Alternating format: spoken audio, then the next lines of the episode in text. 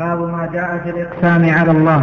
عن جندب بن عبد الله رضي الله عنه قال قال رسول الله صلى الله عليه وسلم قال رجل والله لا يغفر الله لفلان. فقال الله عز وجل من ذا الذي يتألى علي ألا أغفر لفلان إني قد غفرت له وأحبطت عملك. رواه مسلم.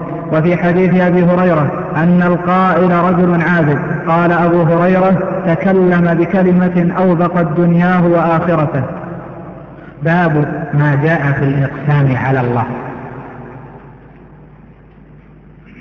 الإقسام على الله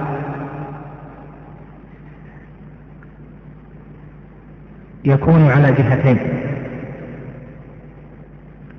جهة فيها التألي والتكبر والتجبر ورفعة هذا المتعلي نفسه حتى يجعل له على الله حق. وهذا مناف لكمال التوحيد وقد ينافي أصله وصاحبه المتوعد بالعقاب الذي جاء في مثل هذا الحديث. فهذا يتألى فيجعل الله جل وعلا يحكم بما اختاره هو من الحكم. فيقول والله لا يحصل لفلان كذا تكبرا واحتقارا للآخرين. فيريد أن يجعل حكم الله جل وعلا كحكمه. تأليا واستبعادا أن يفعل الله جل وعلا ما ظنه هو.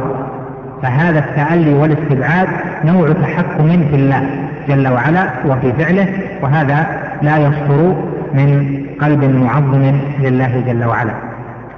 والحالة الثانية أن يقسم على الله جل جلاله لا على جهة التألي ولكن على جهة أن ما ظنه صحيح في أمر وقع له أو في أمر يواجهه.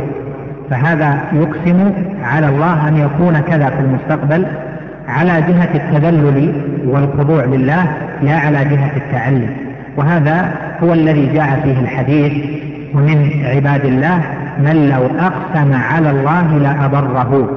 لأنه أقسم على الله لا على جهة التعاظم والتكبر والتألي ولكن على جهة الحاجة والافتقار إلى الله.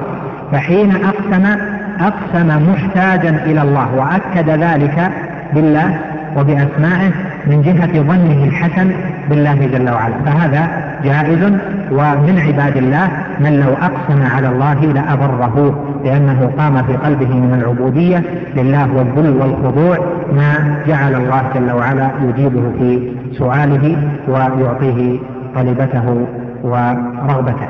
وأما الحال الأولى فهي حال المتكبر المترفع الذي يظن أنه بلغ مقاما بحيث يكون فعل الله جل وعلا تبعا لفعله فتكبر واحتقر غيره. فبهذا التفصيل يتضح ما جاء في هذا الباب من الحديث.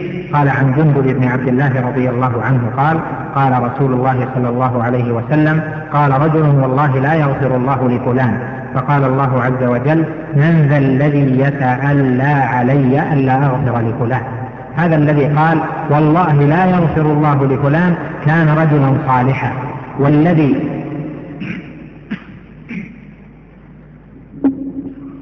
والآخر كان رجلا فاسقا.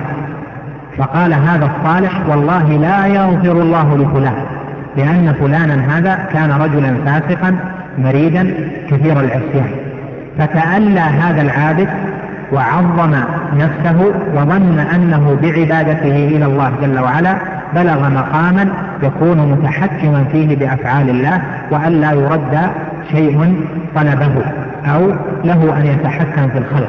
وهذا ينافي حقيقة العبودية التي هي التذلل لله جل وعلا.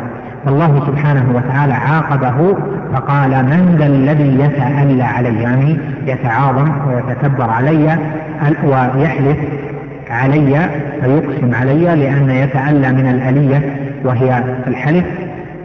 ومنه قوله تعالى للذين يؤذون من نسائهم تربص أربعة أشهر فإن فاءوا فإن الله غفور رحيم. الإيلاء من الآلية وهي الحلف. فيتألى يعني يحلف على جهة التكبر والتعاظم ألا أغفر لفلان إني قد غفرت له وأحبطت عمله. وغفر للصالح وغفر للصالح وأحبط عمل ذلك الرجل العابد وهذا يبين لك عظم شأن مخالفة تعظيم الله جل جلاله وعظم مخالفة توحيد الله سبحانه وتعالى. فهذا الرجل الفاسد هذا الرجل الصالح الرجل الفاسق أتاه خيرا من حيث لا يشعر وقيلت في حقه كلمة بحسب الظاهر أنها مؤذية له وأنها فيها من الاحتقار والازدراء له ما يجعله في ضعف بين الناس حيث شهد عليه هذا الصالح بقوله والله لا يغفر الله لفلان. فكانت هذه الكلمة التي ساءته وكان فيها إيذاء له كانت فيها مصلحة عظيمة له أن غفر له ذنبه. ولهذا نبه الشيخ في مسائل الباب بمسألة معناها أن من الابتلاء والإيذاء وكلام الناس في المكلف في الشخص ما يكون أعظم أسباب الخير له. ولهذا ليست العبرة باحتقار الناس ولا بكلامهم ولا بإيذائهم ولا بتصنيفهم للناس أو بقولهم هذا فلان كذا وهذا فلان كذا. العبرة بحقيقة الأمر بما عند الله جل جلاله.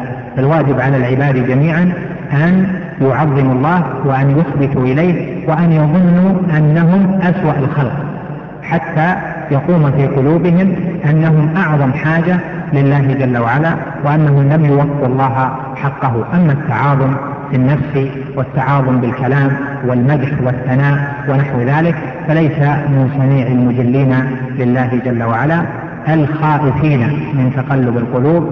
فالله جل وعلا يقلب القلوب ويصرفها كيف يشاء. فالقلب المثبت المريد يحذر ويخاف دائما من أن يتقلب قلبه فينتبه للفظه وينتبه للحظه وينتبه لسمعه وينتبه لحركاته لعل الله جل وعلا أن يميته غير مفتون ولا مخزي. نعم.